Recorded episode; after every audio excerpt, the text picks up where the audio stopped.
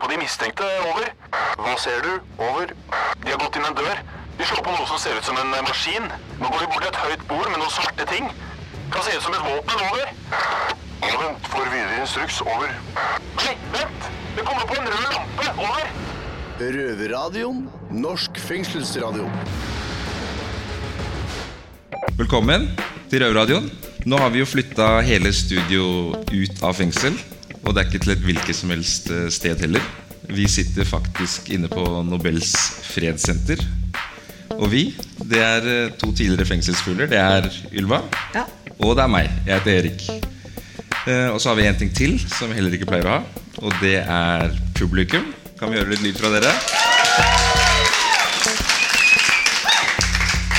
Men Erik, så er det noe ting som er veldig spesielt. Det er jo det at eh, Vi har vært kollegaer i mange måneder på innsida av murene. Det. Og det her det er faktisk første gangen vi sitter og ser hverandre i øynene. Mm. På utsida, uten vakter. Uten at disse her som hjelper oss med å ha sendingen, har nøkkelkort og låser oss ut. og litt sånn forskjellig. Hvor deilig er ikke det? Det er sinnssykt deilig. Og så er det jo litt sånn at vi kan jo egentlig bare stikke av, men vi lover det skal vi ikke gjøre. Så lenge dere er snille. Ja. Men hva syns du, Hvordan er det å ha Sendinggutten utenfor murene? Jeg syns det er kjempebra. Eh, og jeg tror jo det at eh, noen ganger sant, så kan det være litt viktig at de vanlige folk i gata får et ansikt av oss eh, på hvem vi er. For at eh, det er vel ikke engang sånn at vi alle har masse tatoveringer og er skikkelig bad, bad, bad. Eh, vi, vi har vel kanskje mange ganger flere relasjoner til dere vanlige mennesker enn hva dere tror. Absolutt. Absolutt. Ja, Så skal jeg vel avsløre en ting. Eh, og det er det at Jeg er ikke helt fri ennå, men jeg er på noe som heter hjemmesoning uten lenke. Så du er virkelig den som er fri-fri. Men jeg er så nært friheten som det er mulig å komme. Absolutt. Men du, hva er det som eh, Hva er det vi skal gå gjennom i dag? Hva er det som skjer? I dag så har vi en spesiell sending. Vi skal bl.a. få besøk av en mann som har reist rundt i hele verden og besøkt fengsel helt frivillig. Det høres egentlig tror jeg, ganske spesielt ut for oss eh, røvere, Erik. Eh, men det har han altså gjort. Eh, og for en god grunn også. Han har dokumentert mennesker som sitter fengs fengsla verden over. Hvorfor han har, har, har giddet å gjort det, det skal vi finne ut seinere. Og så skal vi også ha besøk av Amnesty International.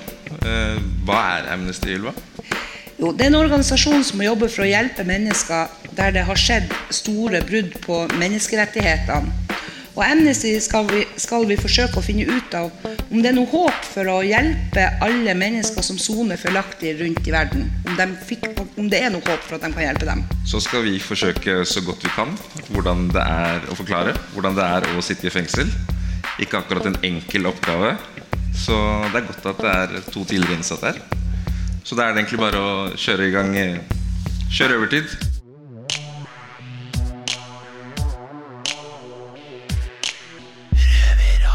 Fortell verden om oss heter utstillinga som åpner i disse dager på Nobels fredssenter. Og nå skal vi få høre fra menneskene bak. Eh, Så da er det bare for oss å ønske velkommen til våre første gjester. eh, Som da er fotografen Rune Eraker, håper jeg sa det riktig. Og utstillingssjef ved Nobels fredssenter, Liv Astrid Sverdrup. Eh, Rune, du har vært eh, og tatt bilder av fanger rundt omkring i hele, rundt omkring i verden i alle mulige slags fengsel. Hvordan ble utstillinga til? Hvordan fant du på at du skulle lage denne utstillinga? Jeg hadde jo eh, jobba i eh, noen fengsler gjennom 90-tallet. Eh, jeg har jobba som dokumentarfotograf i 30 år. Ja. Stort sett rundt omkring i verden. Og fra tid til annen så har jeg, har jeg liksom vært innom fengsler eller på en eller annen måte jobba med fengsler. Men det var i 2001. Eh, da fikk jeg en eh, Akkurat når vakten snudde seg vekk, så fikk jeg en lapp fra en som satt i et isolat i et eh, fengsel for politiske fanger i Bogotá i Colombia. Og eh, i, i det samme øyeblikket omtrent, eller litt etter det, så fikk jeg tatt et par bilder av han. Men når jeg så på den lappen, så kunne jeg ikke lese hva det sto. Det var spansk. Ja. Så jeg tok den med meg, eh, og eh, fikk seinere vite at der sto det bare én ting. Fortell verden om oss.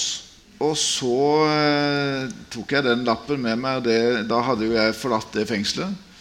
Og men så har på en måte den, eh, den bønnen eh, på en måte naga på meg eh, i ganske mange år. Eh, men jeg fikk liksom aldri kommet meg til å gjøre noe med den bønnen og det som etter hvert eh, på en måte grodde fram hos meg, nemlig å gjøre noe med å skildre de menneskene som sitter bak lås og slå, og i veldig mange land råtner der.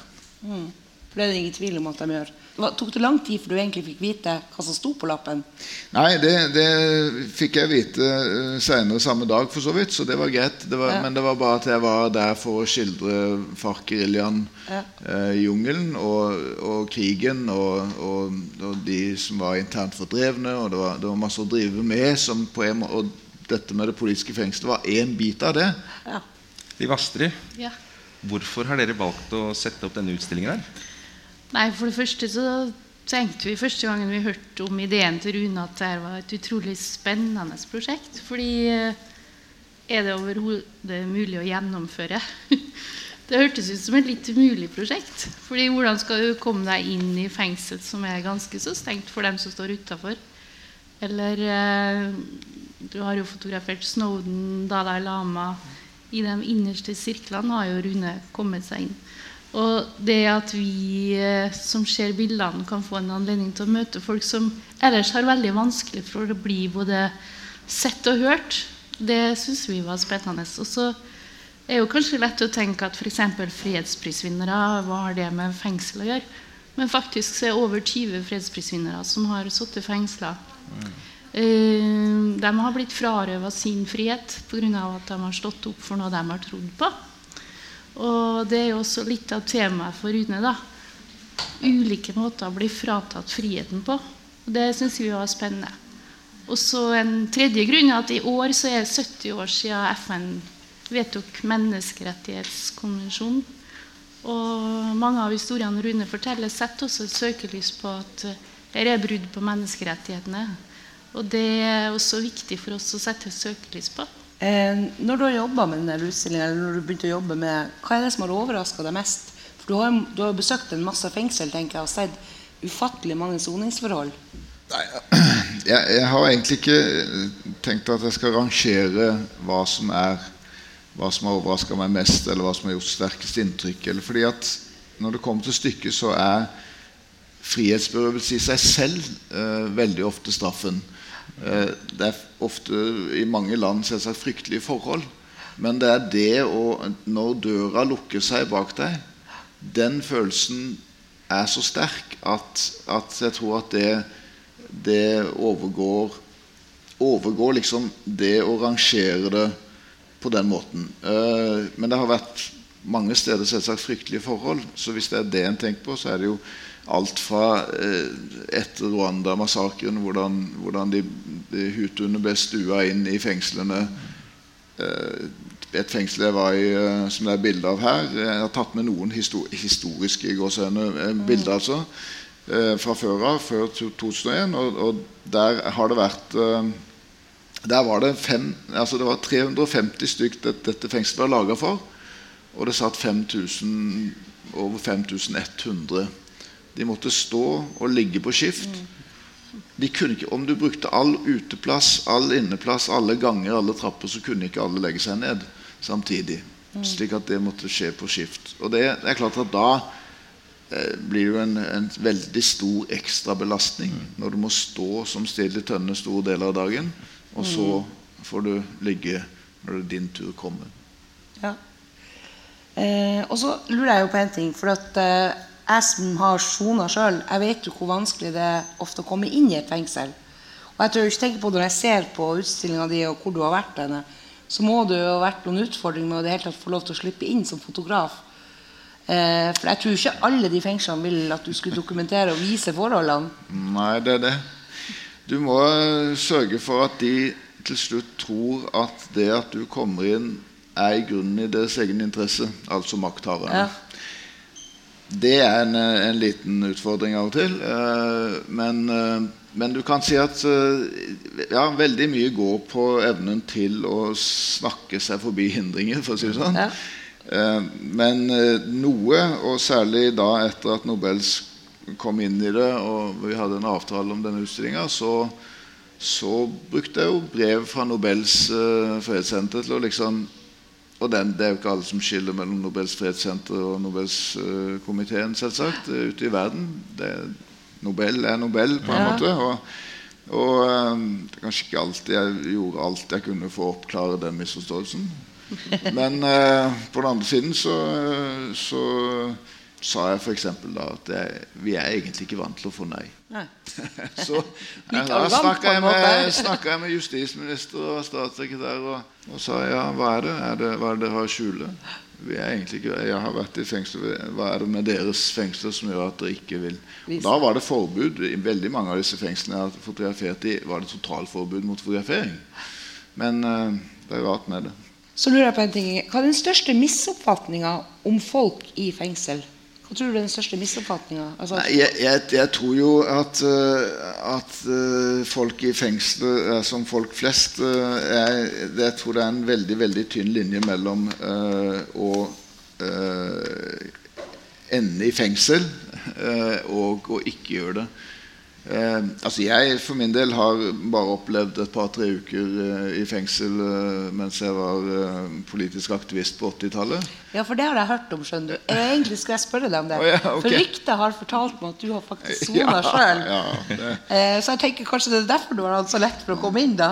Nei, men det, det, det, Kanskje, men det det først og fremst har betydd, er at jeg har selv om et veldig veldig minimalt forhold ja. Eh, som et par-tre uker på, på en soning sånn i seksmannscelle, så er det likevel så lukkes likevel døra igjen. ikke sant? Og den følelsen eh, får en jo. Så, eh, og så ble jeg dømt til 16 måneders fengsel for totalnekting. Og så eh, riktignok så gikk tida slik at den loven ble endra. Eh, men, men, men en vet hvordan det Jeg vet litt av hvordan det er. på en måte, Men jeg har aldri blitt skuffa over dem som mennesker noe mer enn jeg har blitt skuffa over, over, folk flest, ja. når de er. Uh, det har jeg, jeg har ikke en sånn uh, tanke om det. Tvert om. Jeg har truffet mye svært ålreite folk. I tillegg selvsagt så, så, så, sitter det jo folk uskyldig dømt. Det sitter folk med en politisk overbevisning eller tro som sitter inne for det de tror på, eller har, det de slåss for. eller og da, begynner, da, er det klart at da, da snakker vi om, om, folk som i tillegg Altså de tre på Death Row i USA som er i denne mm. utstillinga, står alle på Save Innocents lister i, i Paris. Eh, en organisasjon som jobber mm. for det, for, mot dødsstraff i verden. Ja. Det er ikke sikkert de er fullstendig Det vet vi jo ikke. Men det er en god sjanse for at de er uskyldige. Og de har sittet, da jeg var der, 18 år 22 år og 33 år på death row i full isolasjon, mer eller mindre. Ja, Da begynner det å bli enda mer sterkt. Eller disse, disse kvinnene som sitter inne for å ha tatt abort, eller ja. har hatt spontanabort, spontan til og med. ikke sant? Vi vet ikke. Mm. Eh, og uansett om det er spontanabort eller abort på annen måte, så da er det plutselig en hel altså Først mister du barnet ditt, så blir du fengsla. Og da er vi liksom helt i den andre enden. Og da tenker jeg jo Erik, at eh, vi skal være glad at vi har sittet i norsk fengsel, for vi har mye urettferdighet der òg. Absolutt. absolutt. Liv Astrid, du har jo sett denne utstillingen på forhånd. Har du blitt overrasket over noe du har sett? Er det noe som har gjort et sterkt inntrykk? Eh, ja, faktisk. I går så var jo en av dem som Rune fotograferte. Han kom til åpninga. Han heter Chan Dundar. Og eh, nå vet jeg at det er radio, men det er likevel et bilde rett over der hvor du ser Chan Dundar. han var redaktør i Tyrkia. Han ble eh, dømt, han måtte møte i domstolen og han ble dømt til fem års fengsel. Fem og et halvt, jeg. Ja. Eh, men det er bare ett bilde av han i utstillinga. Og det er et bilde hvor du ser at han og kona sitter i baksetet. Ser ut som den filmstjerna med skjerf, blazer, solbriller, nydelig kone ved siden av seg. De ser ut som de er på vei til en filmpremiere. Og så var han jo veldig spent når han skulle se hvilket bilde Rune hadde valgt. Jeg tror det tok mange hundre bilder av, av han på vei til rettssalen. Uh, og så sin, fortalte han til meg at uh, du skjønner at vi ville, vi ville kle oss som om vi skulle ut og ha en herlig kveld. Vi ville ikke vise regimet at uh, de kan undertrykke oss. Vi er tross alt uskyldige i forhold til det her. Uh, og så sier man jeg lurer på hvorfor Rune valgte akkurat det bildet av oss. Men etter å ha hørt deg i går, Rune, så vet jeg hvorfor. For Rune har lyst til å vise at midt oppi en sånn situasjon så har folk en indre styrke, da. Og en sånn eh, vilje en, Ja, en styrke, rett og slett. Til å vise at eh, vi står på uansett. Og eh, for meg er det bildet veldig tydelig i forhold til det. Og han ble jo dømt. Eh, Han satt vel fire måneder i fengsel. Han ble løslatt, men Ja, men han ble løslatt Han, før. Han satt fire måneder i varetekt, tror jeg. Ja. Og så ble han løslatt, og så ble han dømt, og så greide han å, å komme seg unna. Så han er jo i Tyskland nå, da. Nå ser jeg at uh, redaksjonssjefen vår vifter litt med fingeren. Så da vil jeg bare tusen takke dere for at dere kom. Tusen takk, fotograf Rune Eraker og utstillingssjef ved Nobels fredssenter Liv Astrid Sverdrup. Og masse lykke til med arbeidet dere gjør.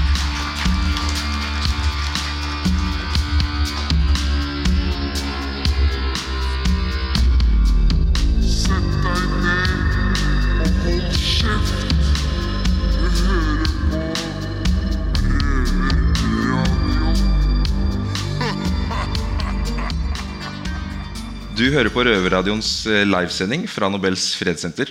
Jeg er Erik og er her med Ylva. Vi har akkurat hørt om utstillingen 'Fortell verden om oss', som dokumenterer fanger verden over. Felles for alle vi møter i utstillingen, er at de har blitt berøvet for friheten sin, samtidig som de kjemper for å bevare verdigheten sin. Eh, mister alle verdigheten sin når de sitter i fengsel, Erik? Gjør de det, Ylva? Ja, dette er vanskelig. Eh, kanskje for ei stund, tror du det? At man føler litt på det med det samme man kommer inn og døra blir løst første gangen. Absolutt. Så tror jeg jo det. Eh, og så er det noen som kanskje Det kan komme litt an på hva du soner for, tror jeg. Mm. Og selvfølgelig hvor du sitter henne. Og, og hvor sterk du er psykisk. Som gjør om du mister eller om du Jeg tror nok at på et eller annet tidspunkt så føler vel alle at man mister litt av verdigheten. I tillegg til frihetsberøvelsen så er det noe som man føler blir tatt ifra Ja. seg. absolutt. Eh, hvordan var det for deg å, eh, helt til starten å starte soninga di? Erik? Husker du noe som sånn Ja, det er ikke så lenge siden. Jeg eh, slapp jo ut nå i slutten av eh, mars. Så jeg har kun vært ute i seks måneder. Så det er ganske ferskt i minnet. Og det er jo Det første er jo den derre hjelpeløsheten. At man da er alene og isolert og kun har seg selv å lene på. Ja. Så Familien din, da?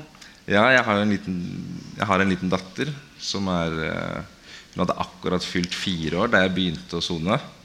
Så det var vel kanskje noe av det Eller det var absolutt det tøffeste for meg. da Å ikke kunne stille opp som en pappa for henne. Det hadde jeg meg selv å takke for, men man sitter jo der og graver seg selv dypere ned i tankene sine. Og så tror jeg jo de som har barn, ofte soner kanskje litt verre. Fordi at de, Særlig hvis de har hatt daglig omsorg med ungene sine.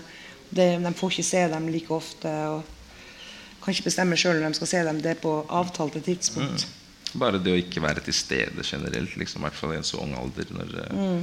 det er tungt. Men du, hva syns du det verste var med å sitte inne? Eh, det er vel det her når- døra lukkes igjen, og at eh, det bestemmes eh, på, på, på en måte litt, Det er jo litt sånn, det bestemmes jo når du skal stå opp, når du skal spise, når du skal gå på jobb, hva du får lov til å eie og ha på det lille rommet ditt. Og så er det jo ofte sånn at det er jo noen kontroller på hvor mye liksom, Og vi jenter ofte Vi har jo kanskje litt sånn behov for å kunne pynte oss og sminke og litt sånn forskjellig.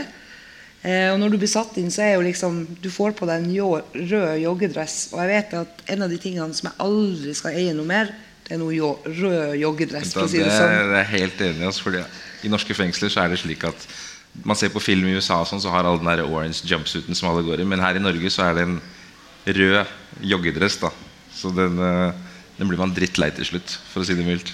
Og så er det vel jeg tror også at, og så er det vel det at eh, du mister jo kanskje for en tid eller en periode litt av deg sjøl. Så det verste er vel egentlig det at noen hele tida skal lukke og bestemme når du skal få lov til å gjøre ting. Mm. For vi lever i et ganske fritt land, Absolutt. og det gjør noe med deg. Men hva føler du er det verste med å sitte inne? Helgene var noe av det verste også. Ja. Hvor man da blir låst inn klokken seks. Ja. Og så slipper de deg ut igjen klokken ti dagen etter. Og så ut og ha en, og en time lufting i en luftegård som er eh, 30 ganger 30. da Så da går alle mennene i sirkel bare for å holde mosjonen eh, i gang. Litt sånn hamsterbur. Ja. Så det var eh, bare det å ha alt sammen kontrollert og ikke ha noen egne valg. Det å bli strippa for det. Føler du at man blir eh, annerledes av å sitte i elva? Skjer det noe med deg liksom mentalt? Er det noe Alle blir vel litt annerledes, tror jeg. Eh, for det første, sant, sant, de fleste når du møter med fengselet, er det at du må gi fra deg alle eiendelene du har. Det det to, kanskje det første gangen, ser for deg at første gangen du eh, går inn, så må, så må du strippe da foran to eh, vilt fremmede mennesker. Eh, du kanskje må løfte på puppene og spre tærne og alt mulig rart. Eh, ned i en hockeystilling og hoste, som også kanskje ikke er helt sånn vanlig for folk. Eh, og så er det jo, tror jeg, at man føler på en god del skam.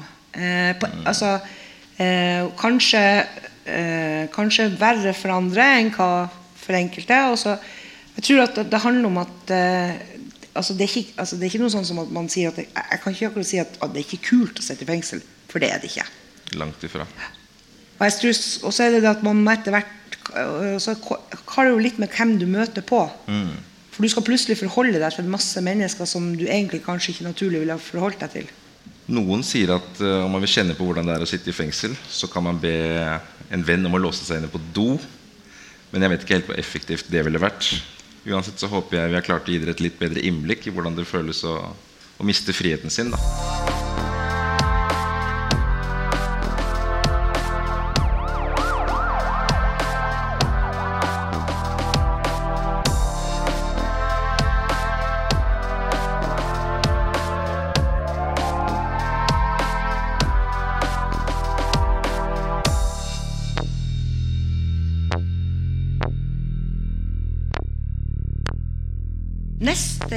jobber hardt for å få folk ut av fengsel. Nei, det er ikke forsvarsadvokaten Christian Elden. Jeg håper ikke han er i eh, salen. Eh, men det er faktisk eh, Gerald, sier jeg det rett? Folkvord fra Amnesty International. Velkommen til deg. Takk skal du ha. Altså Amnesty International burde føle seg hjemme her på Nobels fredssenter, siden dere faktisk mottok eh, prisen i, allerede i 1977. Ja, det er helt riktig. Det er eh, Amnesty-logoen både over inngangen og i andre etasjen da fredsbesvinneren presenterer. presenteres. Ja, Så det er liksom, det er godt å være her. Ja, ja, det er jo veldig fint å være på Nobels fredssenter og føle litt Jo, vi er faktisk en av disse heltene. Ja. Mange vet kanskje ikke at Amnesty ble opprettet eh, pga. to innsatte. Kan du fortelle litt eh, om det? Ja, det var jo altså Jeg pleier eh, å si at Amnesty ble opprettet fordi noen folk ble skikkelig sinte. Og det var uh, en liten gruppe venner, og det er særlig en mann som het Peter Benenson, uh, som i London i 1961 oppdaget historier om uh, noen fanger som var uskyldig fengslet. Og, bare, og Han hadde lest mange sånne historier, han var advokat selv. Men denne gangen gjorde det noe med ham. Han tenkte seg det er helt ufattelig at det bare kan skje i en verden som har anerkjent menneskerettighetene 13 år tidligere. 1948, ikke sant? Og allikevel skjer denne uretten fordi vi overlater det til politikerne. Og politikerne bryr seg ikke. De har alltid andre prioriteringer. Og så bestemte han seg for nå skal vi prøve noe helt nytt. Nå skal vanlige folk engasjere seg for uskyldig fengslede. Og vi skal se om ikke det kan gjøre noen forskjell. Og det, Han startet en liten kampanje som det het en appell for amnesti for alle samvittighetsfanger. Og denne lille kampanjen i løpet av noen måneder ble en organisasjon. Og i dag er verdens største menneskerettighetsorganisasjon med flere millioner medlemmer og støtte, mm, unnskyld, støttespillere. Så, men det var enkeltpersoner som rett og slett hadde lyst til å gjøre noe med et urett, som var opprinnelsen av denne bevegelsen. Ja, Dere bruker jo mye tid eh, på folk som sitter i fengsel.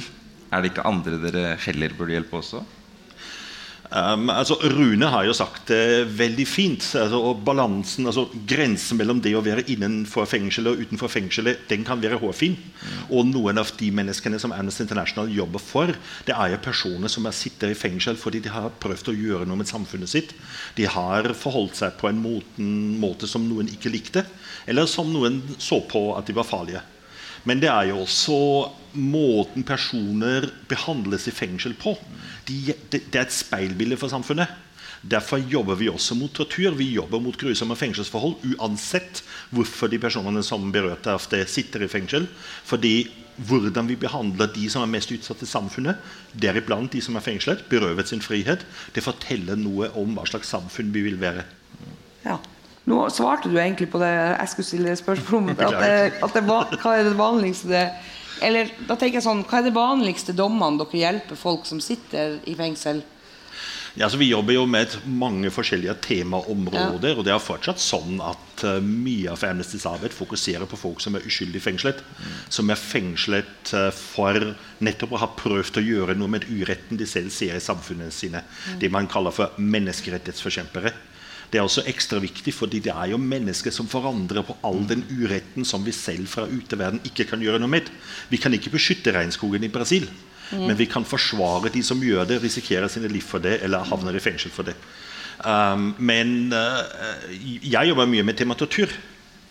Og de som er mest i fare for å bli utsatt for tortur, for grusomme fengselsforhold og for den type ting, det er ikke politiske aktivister. Det er helt vanlige folk hvor myndighetene tror at de er ingen som bryr seg om. De kan vi gjøre med hva vi vil.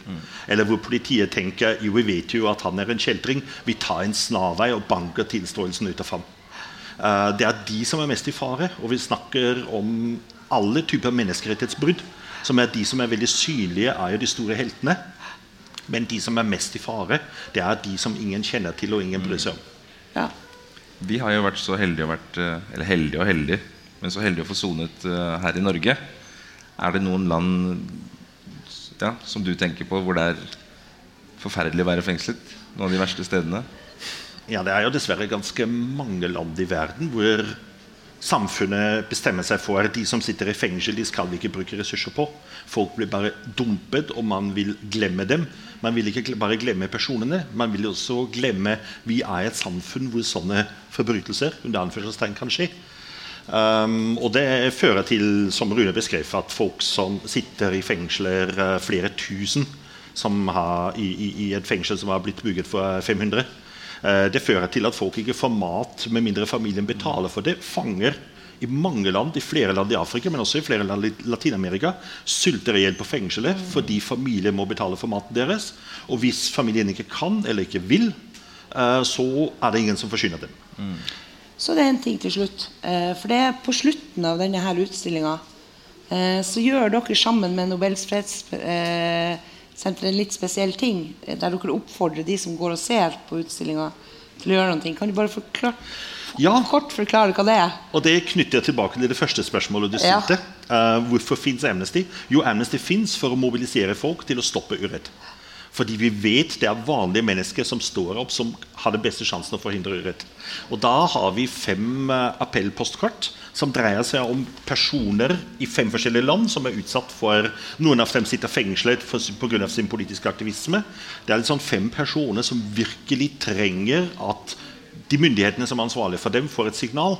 Her er det noen der ute i verden som bryr seg om dem. De har verden, venner overalt. Dere skal bare tenke igjen hvis dere tror at det er ingen som bryr seg om dem, for de er helt vanlige mennesker. Da sier jeg tusen takk for at du kom i studio, Gerald eh, Folkevard fra Amnesty International. Takk. Du hører på lyden av ekte straffedømte. Røverradio. Hver lørdag på NRK P2 halv to. Og når du vil som podkast.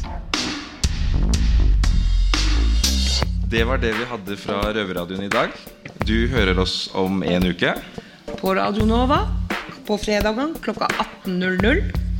Eller på NRK P2 hver lørdag klokka halv to. Neste ukes sending da skal det handle om gjenger i Oslo dere skal få bli bedre kjent med tidligere gjengmedlem. Og så får vi også besøk av byrådsleder Raimond Johansen i studio. Men du sier meg en ting. Raimond Johansen det er han som har vært egentlig den eh, lederen for hele gjengene i Oslo. Han eh, er liksom head honchoen i hele Oslo byråd. Han. Å, jeg skjønner. Det er han. Følg med på Facebook og få med dere Ylvas anmeldelse av utstillingen. Fortell verden om oss. Og selvfølgelig så ta turen ned hit selv. Nå takker jeg og Ylva for oss. Har vært stille fra over en time. Hva skjer? Over. Det er bare et radioprogram. Det er lettere å høre på dem der. Over. Ja, vet du når det går, da? Over. Det er samme tid og samme sted neste uke. Over.